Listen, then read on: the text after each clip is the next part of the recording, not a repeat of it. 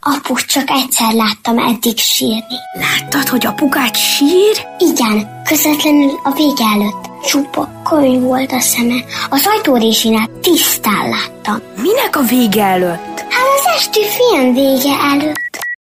Filmszerész, egy rádióműsor, ami segít abban, hogy legyen mit eldörzsölni a szeme alján. Az Érdefem 1013 filmes, tévés, mozis magazinja Kovács Gellértel és Urbán Szabolcsal. Minden, minden csütörtökön, este héttől. És anyukád? Képzeld, oda bújt hozzá. Hello mindenkinek, ez itt valóban a filmszerész Kovács Gellértel és Urbán Szabolcsa. Szia, Szabi, üdvözlöm a kedves hallgatókat. Csak úgy föntartottad a hangsúlyt, aztán azt hittem, hogy még mondasz valamit. Nem, nem, nem. Nem, úgyhogy mondanék én is pár dolgot, de nem mondok, majd a következő adásban, hogy milyen filmeket sikerült beszerezni. Hát nem maradjon azért És benne. nem biztos, hogy megnéztem, az a baj, most össze kell szednem a gondolataimat. Kiket találnom. Az Aranyoskámat néztük meg. Ami Ja, ez egyik kedvenc filmem. Nagyon jó, nagyon jó kis film, és hát kiderül benne, hogy mennyire kiváló színész Dustin Hoffman, és nem azért, mert nőnek költözik, hanem az, hogy eljátsza, eljátsza a színészetet. Egy mesteri film egyébként Igen. szerintem. Tehát ez maga a az ilyen intellektuális, ugyanakkor meg, meg sokszor eléggé vulgáris, meg testi humorral is operáló értelmiségi vígjáték, Igen, igen. ugye Sidney Pollack rendezte. És szerepel is benne. Igen, igen, szerepel, ő játsza az ügynökét, Ügynökét, ugye, igen, igen. Dustin Hoffmannak, és hát azért gyorsan említsük meg például, gondolom szinkronnal nézted Szakácsi Sándor csodálatos szinkron munkáját. Egészen fantasztikus, és az egyik kedvenc mellékszereplőm a filmben. Bill Murray. Bill Murray természetesen, aki Dustin Hoffman barátját alakítja. Ez szajha. Figyelj, ha van olyan film, ami örök klasszikus, és ugyanolyan élvezettel néztem meg 16 évesen, mint 41 évesen, akkor az aranyoskám az Igen, az. igen, 82-es film. Egyébként nem kapott Oscar díjat, de jelölést igen Dustin Hoffman. Akkor már egyébként Oscar díjas volt a Kramer Én azt hiszem egyébként, hogy Jessica Lange kapott érte Oscar Azt nem díjat. tudom, igen, és akkor ugye megközölte a két filmjét ezzel a filmmel a, a Dustin Hoffman, mert ugye Kramer kontra Kramerért kapott ugye először Oscar díjat, aztán jelölték erre a filmre, és végül az első emberért kapott még egyet.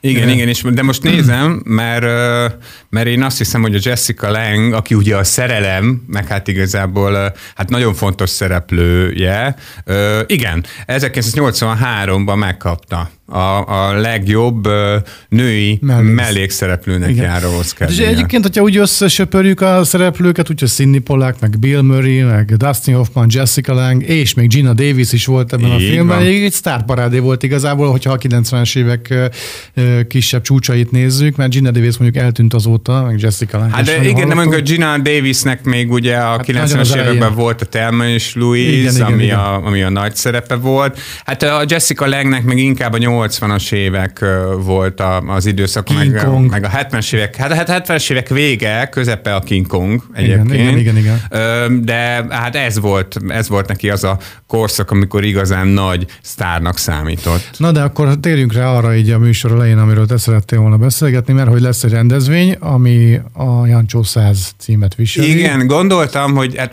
tényleg szerintem nem mondhatják. kezdj el mentegetőzni, De ne- egy ne- picit, na. Szóval, hogy azért én nem szoktam ilyen, uh, hát nem tudom én, ilyen teljesen gátlástalan önreklámba átcsapni, vagy felhasználni erre az egyébként is rólam elnevezett műsort, mert úgy érzem, hogy már egy kicsit sok lenne, de hát ugye van egy filmklub sorozatom, és hogy most ebben az évadban majd ősztől, tehát egy hónap múlva indult, tulajdonképpen majd, hogy nem egy hónap múlva, mert hogy szeptember 6-án lesz az első előadás.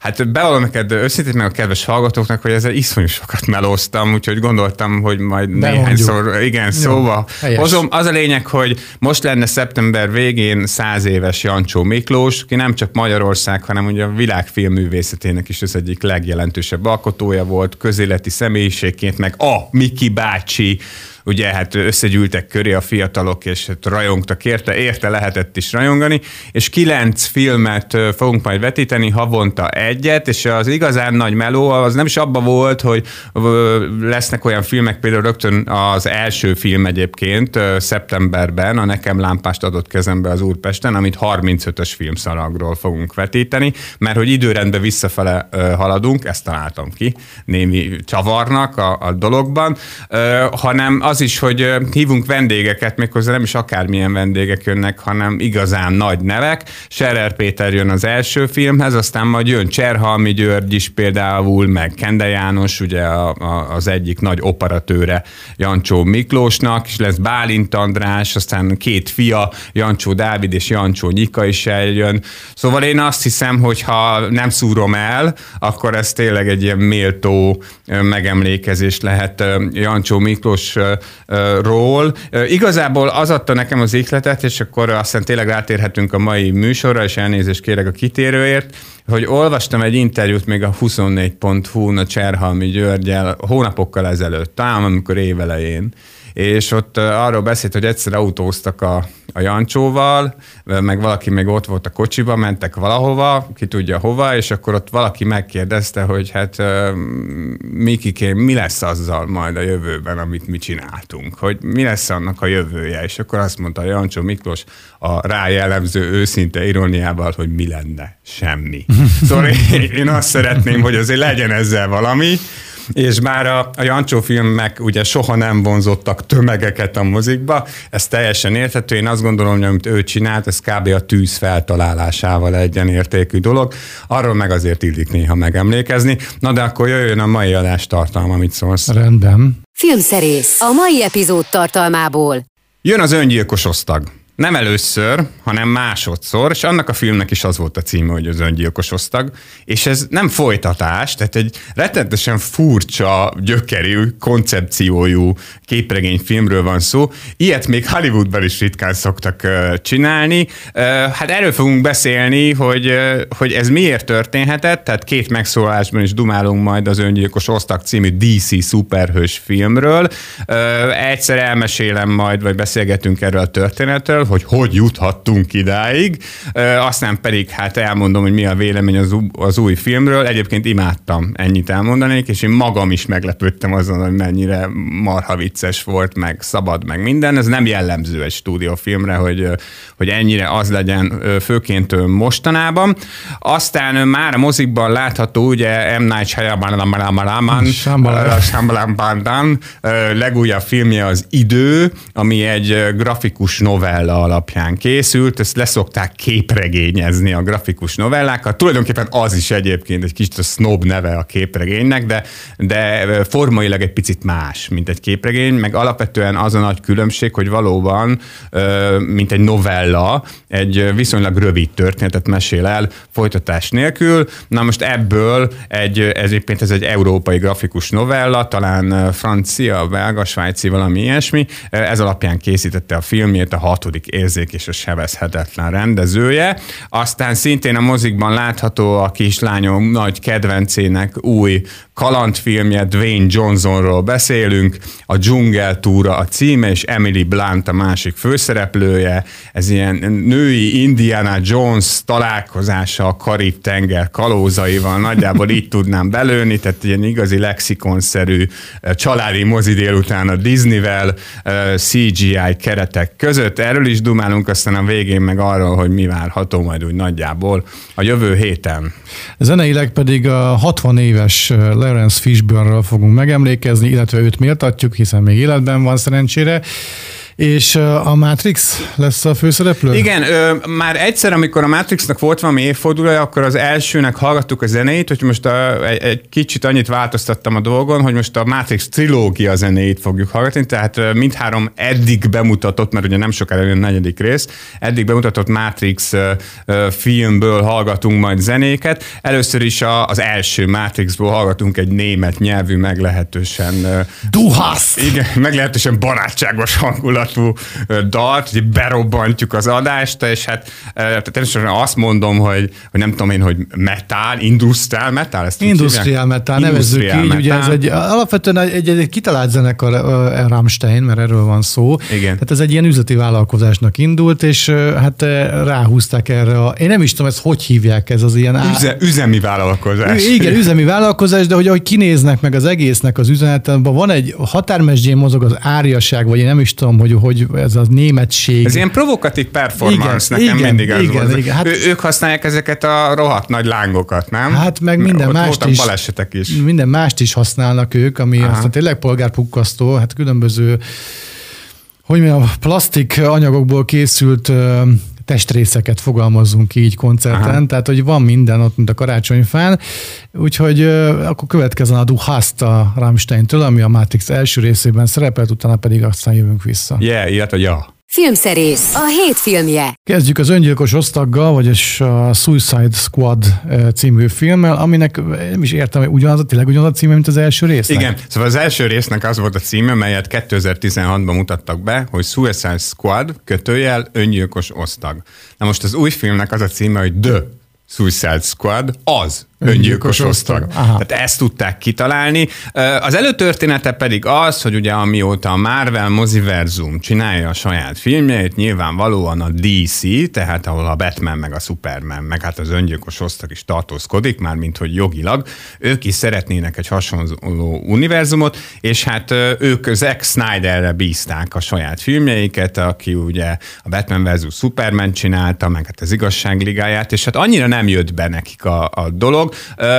Anyagilag nem buktak bele, de nem lett olyan popkulturális robbanás a dolog körül, mint a Marvel körül, tehát egyértelműen ők jöttek ki rosszabbul ebből a versengésből, és ennek a versengésnek volt az egyik, hát számukra meglehetősen szomorú epizódja vagy filmje, a 16-os öngyilkos osztag, ami egy ígéretes produkció volt, mert az volt a lényege, és ezt még a képregény rajongók közül se sokan ismerték feltétlenül ezt a vonulatot, hogy kifejezetten gonoszokat, tehát szuperhős gonoszokat fölbérel a kormány arra, hogy, hogy bevesse őket nehéz helyzetekbe, egy kicsit ilyen piszkos 12 szinten, és hát megkapják a, az ígéretet, hogyha végrehajtják a feladatot, ezek az egyébként egyenként meglehetősen elmebeteg szuperhősök, akkor, hát nem tudom én, elengednek valamit a büntetésükből, meg ilyen-olyan dolgokat csinálhatnak, vagy a szeretteikkel, vagy bármi ilyesmit felajánlanak nekik. Szóval, hogy ez egy ígéretes dolog volt, de David Ayer meglehetősen erőteljesen belebukott ebbe a produkcióba. A mai napig egyébként hisztizik a csávó, mert állítólag, mint minden ilyen filmnél, neki is van egy olyan vágata, ami 15 ezerszer jobb, mint amit a stúdió jóvá hagyott, és hogy az egy igazán jó film volt, és ráadásul ő még a sértődékenyebb rendezők közül is a sértődékenyebbek közé tartozik, tehát ö, bele tudott menni annak idején komment háborúba, ö, teljesen átlagos kommentelőkkel annyira kiakadt. Ö, ez volt az a film, amiben először feltűnt, tulajdonképpen ez volt igazából a, a, az egyetlen érdemi teljesítmény ennek a filmnek, a Margot Robbie féle Harley Quinn, aki aztán ugye önállóan is karriert futott be, mint karakter, és ebben a filmben játszotta először is tulajdonképpen utoljára, már az igazság ligájába, már mint a rendezői változatban feltűnt, de hogy külön filmet nem kapott, a Jared Leto féle Joker.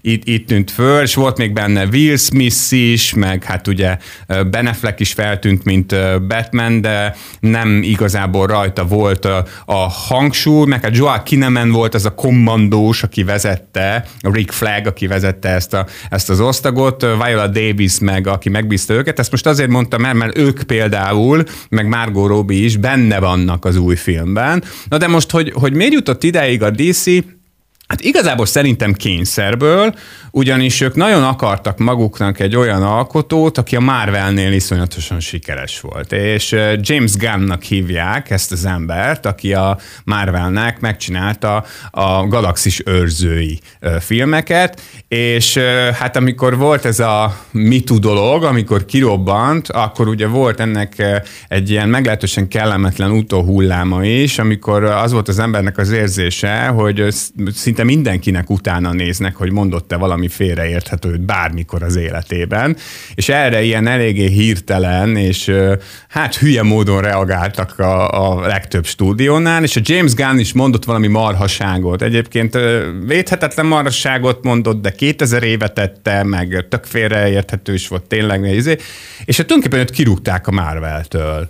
És akkor szóltak a DC-nél, hogy tudom, mit öreg, akkor gyere nálunk, azt csinálj, amit akarsz. És hát ennek a csávon, aki, aki tényleg egy ilyen gig zseni, egy, egy, egy nem normális állat, de tényleg egy, egy, egy, egy egészen virtuóz, fölszabadult a képregényekhez nagyon értő hapsi, hát ő, ő elvállalta azt, hogy akkor ő neki menne ennek az öngyilkos osztagnak még egyszer úgy, ahogy ő gondolja, hogy hogy kellene ezekből a képregény karakterekből filmet csinálni, és akkor ne legyen folytatás, meg ne legyen spin-off, meg ne helyezzük el ezt az egészet egy ilyen univerzumban, hanem egyszerűen csak csináljunk úgy, mint az előző film nem is létezett volna. És ilyet nagyon ritkán szoktak csinálni, és, és hát ő megcsinálta, és aztán mindjárt zenélünk, és aztán átérek arra, hogy hogy sikerült az ő filmje, de azt még azért feltétlenül elmondanám, hogy a sors különleges fintora, aztán az az, hogy közben a Marvelnél rájöttek, hogy nekik mégiscsak kell James Gunn, úgyhogy visszahívták a Galaxis őrzői harmadik részére, úgyhogy most van egy olyan rendezőnk, aki teljesen példátlanul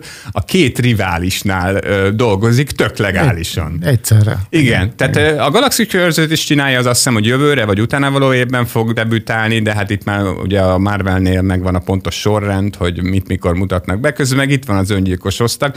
Szóval ez szerintem mindenféleképpen diadal, pláne, hogyha majd az is tényleg szóba kerül, hogy milyen lett az öngyilkos osztag, de arról nem most beszélek, hanem nem sokára. Addig pedig hallgatunk egy ö, újabb zenét, ö, annak apropóján, hogy Lawrence Fishburne 60 esztendős volt a minap, és hát ugye az ő leghíresebb szerepe, ebbe kiegyezhetünk, hogy ez a leghíresebb. Igen, igen, igen. Ugye Morpheus a Matrixból, ugye a, a, hát a, a kapszula dealer, igen, aki, aki fölajánlja, hogy melyik Az egyik ugyanolyan rossz lesz az életed, mint eddig volt, a másik viszont epres. Igen, igen. igen. Így van. Szóval, hogy a Matrix trilógia, mert hogy három film készült eddig, azt nem sokára majd, ahogy már mondtam is korábban, jön a folytatás, a Matrix trilógia zenét hallgatjuk. Hát Most éppen... csak belehallgatunk, jó? Mert ez 17 perc. Igen, Don Davies uh, scorejából uh, fogunk hallgatni egy részletet a Matrix újra töltve című filmből, ami a második része volt a franchise-nak. Filmszerész, a hét filmje. És akkor térjünk is rá a jelenlegi filmre, a, a, a, The Suicide Squad című filmre. Az öngyilkos, az öngyilkos osztag. osztag. Így van. Igen, igen. Hát úgyis csak, csak erre fogunk van. emlékezni. Én, én, én azt gondolom.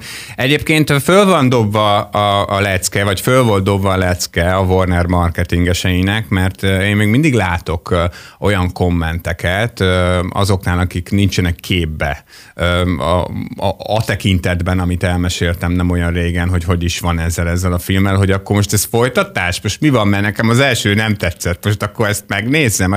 Hát én azt javaslom, hogy, hogy ha, ha tudjuk, hogy mi az előtörténet, ha nem, mindenképp nézzük meg, ha szeressük, szeressük ha szeretjük a képregényfilmeket, mert hát nagyon pici túlzással kijelenthetem, hogy ilyet még nem nagyon láttunk.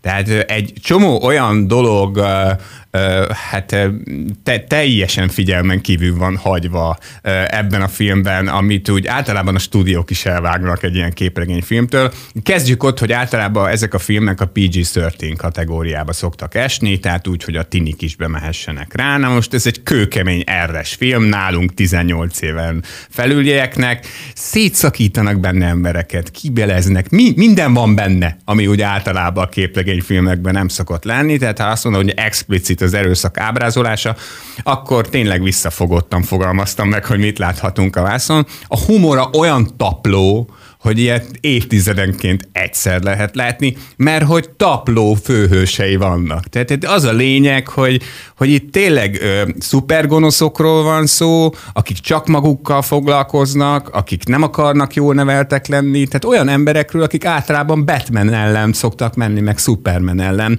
Miért viselkednének egy ilyen filmben máshogyan?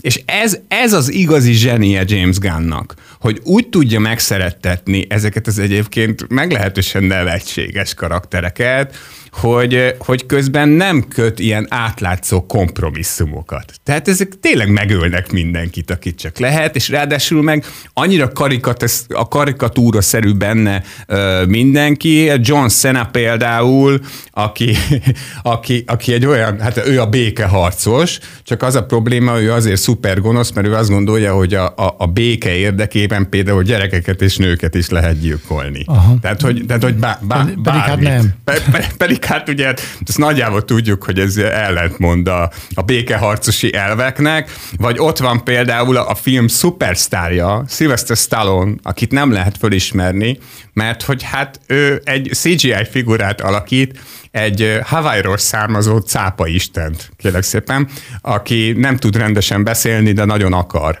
és, és van egy ilyen vágya, hogy mindenkit megegyen. Tehát neki már az nagyon komoly koncentrációjába kerül, hogy a saját társait ne akarja fölfalni. Ezért egy ideig figyelni is kell rá, a kvázi főszereplője a filmnek Adris Elba, aki egy ilyen zsoldos, egy mesterlövész. Ő az, aki mondjuk így karakterben még a legközelebb áll a klasszikus szuperhősökhöz, de azért őt se kell félteni. És hát a, a, a lényeg az, hogy egy teljesen hagyományos küldetésre küldik őket, már mint egy olyan küldetésre, ami az ilyen akciófilmekben vagy képregényfilmekben úgy lenni szokott de közben például még olyanok is történnek, amik aztán tényleg egy ilyen szuperhős filmnél általában elfogadhatatlanok, hogy, hogy a, a Gunn telepakolta, ha ne, hát világsztárokkal, de minimum nagyon ismert színészekkel a filmet, tehát rengeteg karaktert mozgat, és nála tényleg nincs olyan, hogy nem halhat meg egy főhős. Tehát, így, ha, ha éppen egy poénért föl lehet áldozni egy ismert arcot, hát ő megteszi, na most ez az, ami életben tartja az érdeklődést. Az, hogy nézel egy filmet, és egyrészt nyilván nagyon profi az egész, tehát nagyon látványos is, és azt gondolod, hogy minden megtörténhet, és érzed azt, hogy ezt a filmet ezt nem azért csinálták, hogy aztán a csekkönyvet kitölthessék, vagy megérkezhessen az utalás, hanem örömből.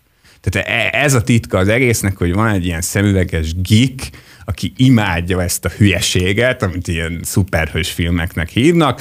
Senki nem mondta neki, hogy majd akkor ebből milyen franchise kell csinálni, meg az univerzumba hova kell illeszteni, hanem azt mondták neki, hogy figyelj, csinálj egy jó filmet, amivel sok pénzt lehet keresni, meg kicsit meghökkenti a nézőket, és a James Gunn megcsinálta. Szóval de nagyon-nagyon ritkán Akkor látni tulajdonképpen ilyen. ez érdemes volt még egyszer neki futni ennek. Abszolút, sőt, sőt, én, én épp utána számolgattam, hogy szerintem, ha össze kéne szednem a nem tudom én, az 5-10 kedvenc szuperhős filmemet, simán ott lenne ez. Tehát, hogy ez tényleg, ez az a film, ami miatt én védeni szoktam ezt a zsánert. Tehát azt szoktam mondani, hogy igenis megéri szuperhősös képregényfilmeket csinálni, mert van benne fantázia, vagy hát lehet benne fantázia, hogyha ha mernek kockáztatni, és közben meg egészen lenyűgöző, hogy a kockázat szó mennyire eszedbe se jut a film közben, mert, mert nem érzed azt, hogy ez félrecsúszhanhat. Tehát olyan biztonsággal ökör ez a film, vagy olyan, annyira süt belőle a zsenialitás, hogy, hogy, hogy te, teljesen király. Úgyhogy én, én nagyon örülök, hogy végre van egy ilyen blockbuster is, most így nyáron, ami, aminél nem kell sem egyrészt, sem másrészt, sem ilyeneket mondani, hogy de egyébként aki ezt meg azt szereti, azt próbálkozzon meg vele. Nem, ez egy teljesen egyértelműen a popcorn mozi. Persze 18 éven felülieknek ezt még egyszer hangsúlyoznám. A 60 éves Lawrence Fishburne méltatjuk zeneileg a mai műsorban. A Matrix újra töltve című filmből jön az Unloco és a Bruises című felvétel, aztán pedig az Idő című filmmel jövünk vissza, ami M. Night Shyamalan. Shyamalan, most kimondtam. Valaha az életben ki tudjuk mondani. Én ki, én ki tudom, Tessék. csak direkt mindig rám. Ja, én azt tudom, nem M. Night tudom. Shyamalan. Ez elharaptad, elharaptad. Na, szóval az idővel jövünk nem sokára vissza. Filmszerész. Már a mozikban. Akkor Gellért megkérlek, hogy szép lassan mondd el a rendezőnek a nevét, aki az Idő című filmet készítette. Szóval, ő egy indiai származású, filadelfiai rendező egyébként, és ő úgy szokta ejteni, ha én jól tudom, hogy M. Night Shyamalan. Shyamalan. Na végre Shyamalan. egy, végre jó megfejtés, mert ezt ki tudom mondani. Tehát Shyamalan. elvileg így, ugye őt onnan ismerjük, hogy készített egy filmet hatodik érzék címmel, amivel... Egyszer nézős. Am, a, amivel letarolt mindent, apró pénzből csinálta, és gyakorlatilag korszakos remek művet alkotott. A Bruce Willisnek teljesen másik arcát mutatta, és aztán utána pedig ő lett az ilyen post-Hitchcock, aki ilyen csattanó mániásan építi föl a filmjeit, és filmről filmre nagyobb lett az önbizalma, meg rosszabbak a filmjei, és aztán egyszer csak visszatért, ugye a Széttörve című filmmel, aminek szintén volt egy nagyon izgalmas csavarja, szóval egy nagyon érdekes figuráról van szó. Nagyon érdekes, hogy van egy ismerősünk, aki valaki, aki egy csomó olyan filmet nem látott, ami nem látta ezt a filmet, tudod, ezt mondja az ember például a reményrabjait és a jeleket sem látta, uh-huh. és azt mondta, tehát a Jankó nem szereti az ilyen filmeket, de mondom, figyelj, jelek az nem olyan film, tehát az, az nem egy ufós film, hanem az egy, az egy, én a mai napig találok benne kis, kock, kis ilyen épít építő kockákat, amiket így be lehet illeszteni, az egyébként mesterien ábrázolt és megalkotott koncepcióba, hogy ez a film az miről szól. Ez nem arról szól, hogy jönnek az ufók. Ugye, szerintem ez a csávó két dologban nagyon jó egyébként. Az egyik az, hogy ő tényleg, ő tényleg Hitchcockon meg Spielbergen nőtt föl, tehát ebből a kettőből szeretné egyébként összerakni magát, tehát ő alapvetően eltetesen ért a klasszikus suspensehez, uh-huh. ehhez a kicsit artistikus izéhez, hogy, hogy ilyen hosszú snitteket csinálunk, meg bemegyünk a kulcsukon, meg, meg próbáljuk, tehát hogy az ő fókusza az mindig kívülálló fókusz. Uh-huh. Tehát mindig a külső szemlélő szemével mutatja a jeleneteket, tehát ennek is van egyfajta feszültsége, mintha te egy ilyen kukkolóként kerülnél igen, bele igen, egy igen. helyzetbe. Ez egy speciális dramaturgiai, az operatőrrel leegyeztetett fókusz egyébként egy filmnél, hogy ne, nem, nem, igazán, nem igazán mutatja a szereplőinek a fókuszát, ha van neked egy külön fókuszod. Ez az egyik, ami ez nagyon ért. Egy kicsit szerintem, hogy mondjam, ő azt gondolja, jobban is ért hozzá, mint amennyire valójában, mert sokszor modorosnak tűnik ez a stílus, de az tény, hogy ez nagyon látványos dolog. A másik, amihez ért, hogyha olyan alaptémát választ, a, a filmnéz, amiben van egy pici, de nagyon érdekes ötlet. Ilyen például a jelek az egy pici, de nagyon érdekes ötlet, hogy egy inváziós filmet szigorúan egy család szemszögéből mutassunk be. De még ez még mindig, mindig uh, silány megfogalmazás, bocsánat, tehát még mindig egy egyszerű megfogalmazása annak a filmnek. Annak de, a filmnek, de, pont, de pont ez a lényeg, hogy e- ezeket a piciket, ezt akartam mondani, hogy ezeket a piciket tudja aztán nagyon jól kibontani, és rávezetni egy érzelminek túlfűtött csattanóra. Az egy, az egy filozófiai értekezés nekem az a film. De az, azt mondom, aha, csak pici az aha. ötlet. Mert hogy úgy folytatnám a gondolatomat, hogy ami meg nem annyira megy neki, amikor nagy ötlete van. Tehát ilyen volt például az esemény, hogy igen, támadnak igen. a növények. Tehát, hogy ez egy olyan dolog, ami, a, a, a, a, ami nem lehet fogást találni. Egyébként a hatodik érzék alapötlete is pici ötlet. Uh-huh. De, de marha jó ki van bontva, meg nagyon jól elvisz téged a susnyásba. Igen, igen, hogy igen. ne jöjjél rá erre a pici ötletre, mert önmagában ez nem nagy ötlet, hanem ahogy feneket kerít neki, az a zseniális. Na és hogyha az időről beszélünk, itt tipikusan arról van szó, amikor neki nagy ötlete van, ami nem is az ő ötlete, hanem egy grafikus novella, de hogy a, a, a, az tényleg egy olyan, tehát maga az alapötlet, azt szerintem olyan, amit ez a csábó szokott nagy ötletként értékelni. Egyébként Hollywoodban erre van egy kifejezés, az úgynevezett high concept, tehát amikor egy ilyen egy mondatban jó megfogalmazható, bombasztikus ideára épül egy film. És az, hogy kimennek egy tengerpartra, egy csapat, egy nyaraló csapat, ahol rohamosan elkezdenek öregedni, tehát tényleg ilyen perceken belül éveket öregszenek, az tipikusan egy ilyen baromi nagy ötlet. De hogy amikor én hallottam, és már az első előzetest láttam, már akkor arra gondoltam, hogy ez a csávó, ez vagy kitalált valamit, amit eddig még a filmtörténetben nem, a commerce filmtörténetben, vagy tutira bele fog bukni ugyanis ebből a sztoriból nem lehet jól kijönni. Most ez teljesen mindegy egyébként, mint, kés, mint később megtudtam, az irodalmi alapműben egyébként nincs is feloldása a dolognak. Itt van egy csattanó, egy rendezőre nagyon jellemző csattanó a végén, amiben megmagyarázza a dolgokat, de nem is az a lényeg, nem az nehéz ebben a történetben, hogy ezek az emberek, akik ilyen nagyon arhetipusok, tehát, hogy van a, van a, a, a kockázatelemző, van a művész, van a megkattant orvos, vannak a gyerekek, tehát hogy ők mind a társadalomnak olyan figurája, akikre jól rá lehet ismerni, és, és hát mindegyik, mindegyik kapcsolatban van abból a szempontból, hogy az életének az egyik konfliktusa, vagy legfontosabb konfliktusa kapcsolatban van az idő múlásával. Tehát vagy siettetik az időt, vagy, vagy le akarják lassítani, így úgy amúgy. Tehát ezek egy kicsit ilyen szájbarágósak a filmben, de nem igazán ebbe bukik bele, hanem abba, hogy ez tényleg nem lehet úgy, tehát amire vállalkozik, az, hogy arról meséljen, hogy az idő múlása biológiailag és szellemileg is, és most nem csak az ember szellemére gondolok, hanem hogy eleve az emberiség történetének filozófiai hozzáállását tekintve az idő milyen szerepet tölt be. Szóval hogy ilyenről csinálni egy commerce thrillert, tehát érted, ami meg így, de könyörgöm, ezeket a maszkokat meg kell csinálni. Ezeket a karaktereket valahogy úgy kéne játszani, hogy ne legyenek nevetségesek, tehát tudjál velük azonosulni, plusz általánosak is lehessenek, és, és közben meg hát így félni is kéne. És hát amikor tényleg egy nem tudom, megismersz egy gyereket, aki hat éves a filmben, és tíz percen belül már terhes lesz, és valahogy a felnőtt színésznőnek, mert hát nyilván ott ugye több színészt használt a mm. Shyamalan, a felnőtt színésznőnek el kéne játszani azt, hogy, hogy igazából szellemben nem öregedett meg, csak, csak testbe, vagy hát nem tudja úgy tartani a tempót. Hát színésznő legyen a talpán, meg színész legyen a talpán, aki ezt úgy meg tudja csinálni, hogy a néző ne fogja a hasát a röhögéstől.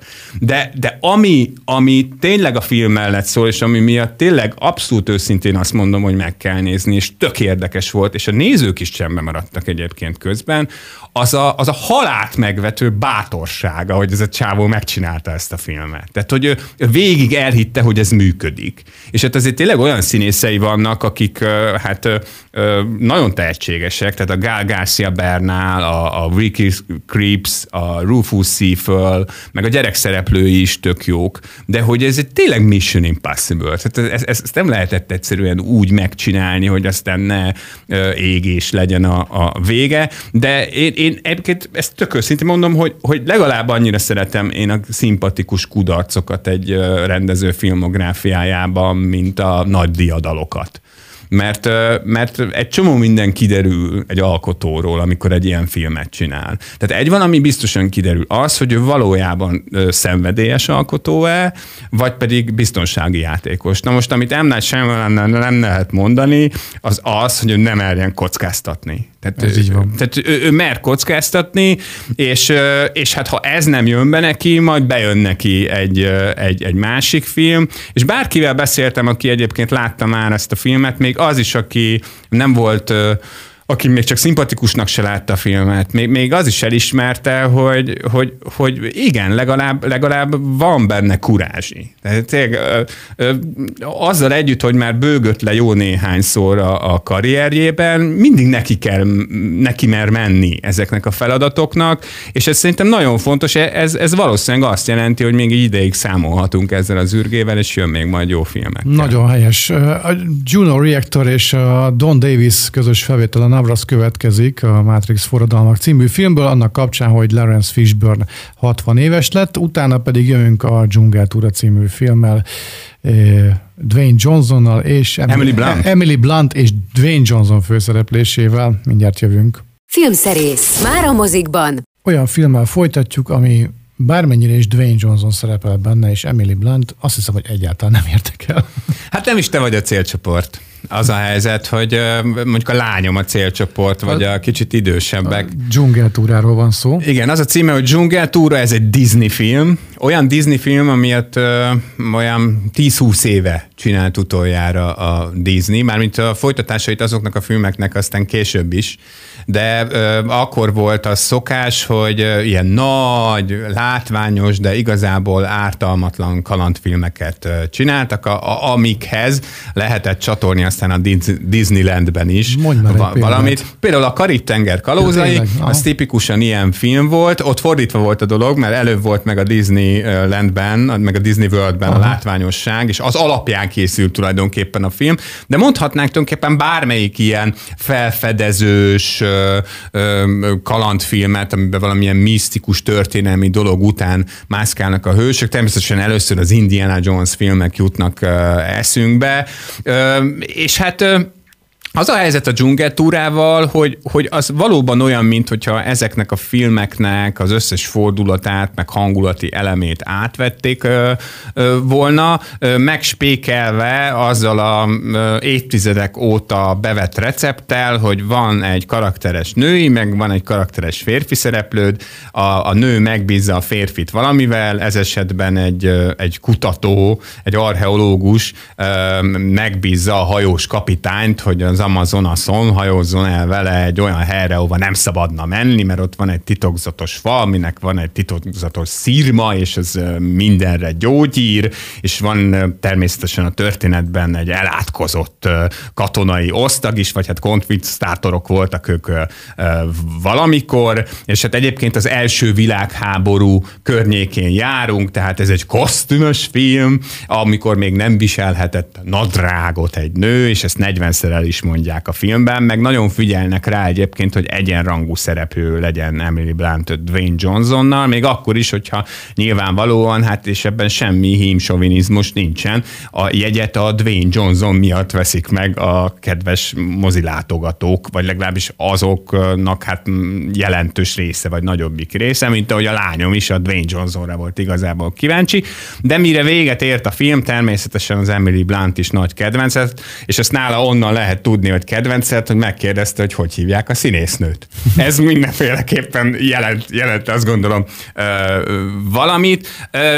Egyáltalán nem kiugró, vagy jelentős film, meg, meg nem is hiszem, hogy pár hónap múlva azt leszámítva, hogy nyilván majd otthon is meg kell néznem majd még párszor a gyerekkel, olyan nagyon emlékezni fogunk erre a, a filmre, de egyáltalán nem is voltam rá ö, mérges, meg azt gondolom, hogy az lenne egy nagyon szép világ, hogyha egy Disney tucat film olyan lenne, mint a dzsungel túra, és, és olyan fél óránként volt benne valami, amire még én is, ha nem azt mondom, hogy fölkaptam a fejem, de hogy így az átlagnál mondjuk érdekesebbnek tartottam, amit például egyáltalán nem értek, és ha kedves hallgatók találnak erre bármiféle nyomot a neten, hogy ez miért történt, akkor legyenek kedvesek, írják meg nekünk, vagy nekem, vagy Szabinak, vagy bárkinek.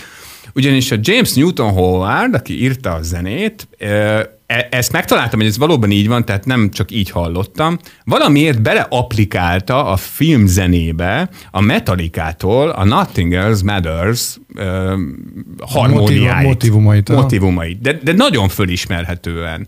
De aztán ezt a pisztolyt nem süti el, tehát nem, nem- nincs a végén a dal, meg nem érnek el a James Hetfield, azt hiszem még a refrénig se jutunk el, de az ott is van a kreditlistán, hogy ezt fölhasználta, tehát, tehát, tehát látszik, de hogy miért pont a dzsungeltúrához, miért pont a Metallica-nak, miért pont ezt a számát, azt nem tudom, de működik. Tehát kétségtelenül működik, csak olyan fura, és, és hát a, a Dwayne Johnsonra még az jellemző nagyon, és hát ugye őt szokták korunk Arnold Schwarzeneggereként ö, e- emlegetni, ami szerintem egyébként abban mindenféleképpen pontos, hogy igen, ő is egy ilyen izmos figura, aki akciós filmekbe játszik, de ő a Schwarzeneggernél szerintem egy tudatosabb alkotó abból a szempontból, hogy ő nem csak, hát hogy is mondjam, nem csak odafüllenti magát a, a filmjei mellé producerként, vagy azt mondja, hogy ez meg az az ő ötlete volt, hanem teljesen egyértelműen kézben tartja a karrierjét. Tehát, hogy va, va, van a Dwayne Johnson fejében egy nagyon jól megfogalmazott mondat, hogy ő amikor ilyen blockbustereket csinál, ilyen akciófilmeket, családi akciófilmeket, akkor milyen filmeket akar csinálni. Ő tudja, hogy, hogy, hogy mit akar üzenni magáról, tudja, hogy, hogy mik azok az imidzséből, amiket akiket nagyon szeretnek a, a nézők, és ő erre tudatosan rájátszik általában. Hát ő a nagy Hawaii fickó, akinek Galambos Péter a hangja, és hatalmas tetkói vannak, és hát igazából ugyanúgy el tudod képzelni, hogy bezúzza a gonosz koponyáját, mint az, hogy megsimogatja a gyereket buksiát. Tehát, hogy e, ez egy olyan dolog, amivel nagyon-nagyon-nagyon sok millió dollárt lehet keresni, és ráadásul még állítólag a Dwayne Johnson, mint ahol, arról magyarországi tartózkodása során is mutatott bizonyítékot, állítólag még magánemberként is tényleg egészen jó fej. Én fel vagyok iratkozva az ő Instagram csatornájára, meg a Facebookon is, és hát én nagyon bírom őt. Tudod, mi a kedvencem? Az, hogy évek óta nem tudja elhitetni a gyerekével, erről nagyon sok poszt igen, van. Igen, igen. Hogy ő volt a Vajanában a férfi főszereplőnek hangja. És mutatott neki mindent már, meg igen. énekelt otthon is, és a gyerek nem hajlandó elhinni, igen, hogy, igen, igen. hogy ez a fater. Hát ez tényleg marha jó szerintem, amikor te vagy Dwayne Johnson, és a gyereked nem hiszi el. ez, ez tényleg csodálatos.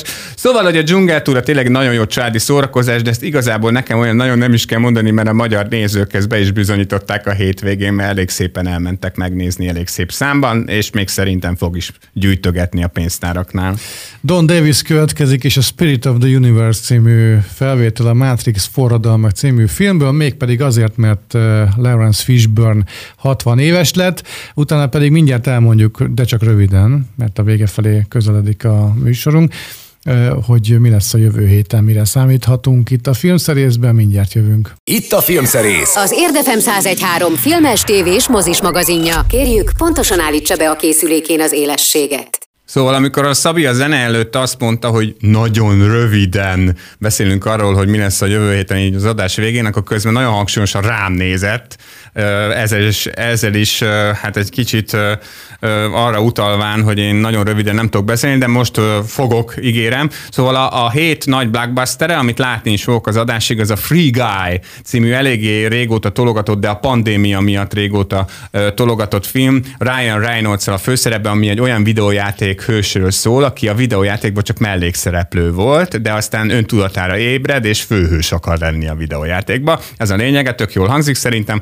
Aztán jön egy nagy szabású életrajzi film Aretha Franklinről, melynek címe Respect, és lesz egy új horror is, azt meg lehet nézni már egyébként mostantól a mozikba, mert hogy ezt most mutatják be, a District 9 rendezőjének az új filmje a Démoni, meg még annyi minden más lesz, hogy ezt se tudnám mondani. Köszönjük a mai figyelmet, keressék podcastjainkat, jövő héten találkozunk, elért meg elmondja, hogy milyen zeneszámmal búcsúzunk. Na most azzal a számmal búcsúzunk, amit azért nem lehet kihagyni a, a Matrixból, vagy akkor, hogyha a Matrix zenét zenét hallgatjuk. Ugye Lawrence Fishburne 60 esztendős voltam minap, és ezért a Matrix trilógia soundtrackéről és scorejáról hallgatunk felvételeket. Na most az jön az a szám, vagy az a szám jön pontosabban, amivel véget ért az első Matrix, és így fölrepült a Neo ugye a telefonfülke mellől. Nek az a címe, hogy Wake Up, és nagyon szerettem a zenekar, de tök nehezen tudom kiejteni a, a, a nevüket. Nézem Rage Against the Machine. Rage Against the Machine. Na, hát zseniális Against. zenekar, igen, igen. Against. Szóval, na, ez a dal jön, ez egy kultikus film, kultikus záródala, mi pedig jövő héten remélhetőleg újra találkozunk, vigyázzanak magukra addig is. Ez volt a Filmszerész, az Érdefem 1013 filmes tévés mozis magazinja.